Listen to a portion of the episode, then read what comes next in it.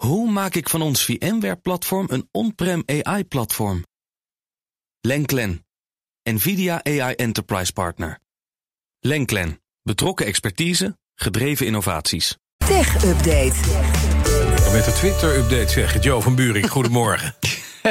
Ik was er niet van. Want de eerste week dat Twitter in handen is van Elon Musk... is meteen, uh, ja, zijn 44 miljard kostende aankoop uh, gedecimeerd in het aantal werknemers. En is er overal controverse, trekken adverteerders zich terug. Maar ja, zijn dit gewoon de eerste stapjes van een man die je schoon schip aan het maken is?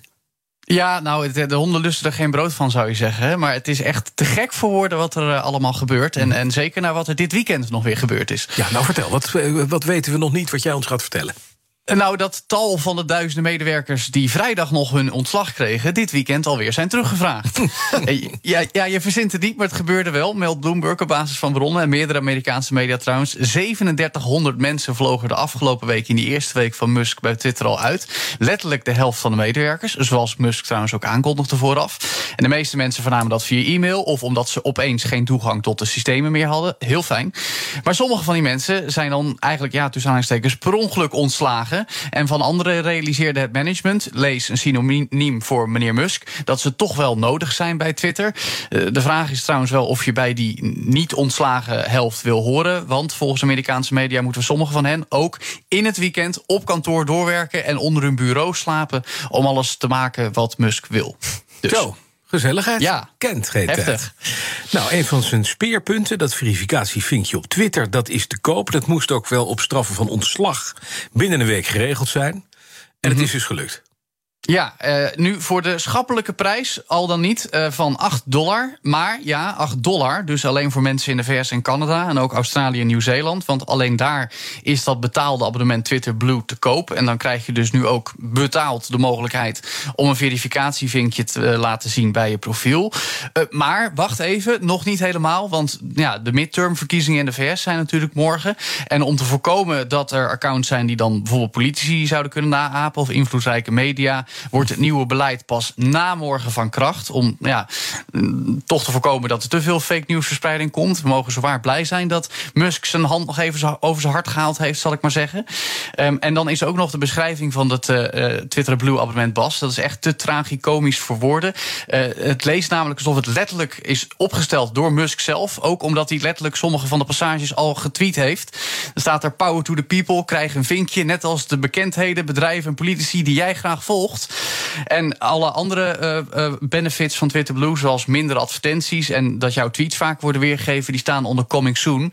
En dat is gevaarlijk, Bas, want we weten wat Musk nog meer coming soon heeft bij bijvoorbeeld Tesla. Coming soon en dat kan heel lang duren. Planets outside your universe. Ja, precies. Wat als je nou toch een imitatie-account op Twitter hebt of, of gewoon aanmaakt? Dat kan nog En je betaalt 8 dollar, krijg je een blauw vinkje. En dan ben je ja. gewoon leuk, die Russische troller die allerlei shit op Twitter kan gooien.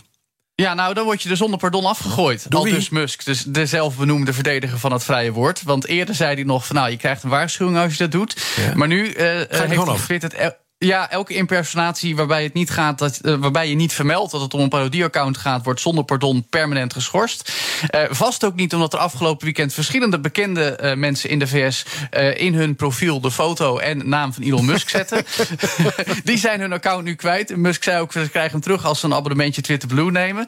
mocht je dat verificatie in de toekomst al hebben, gekocht bijvoorbeeld, en dan je naam aanpassen, dan verlies je tijdelijk dat vinkje. Dat hebben ze al wel bedacht. En ja, Bas, je noemde het in het begin al, we hebben het niet eens over uitgeweid de waslijst aan bedrijven die hun advertenties hebben stopgezet bij Twitter. Dus ja, ja. het is een, een, een, een, treinongeluk dat maar blijft voortduren. En ik denk dat we er voorlopig nog niet vanaf zijn. Ja, dan nog aan de andere kant van de tunnel was er nog een treinongeluk, namelijk Meta, het voormalige Facebook. Heel kort, want naast de storm bij Twitter mm -hmm. heeft ook Meta worstelingen.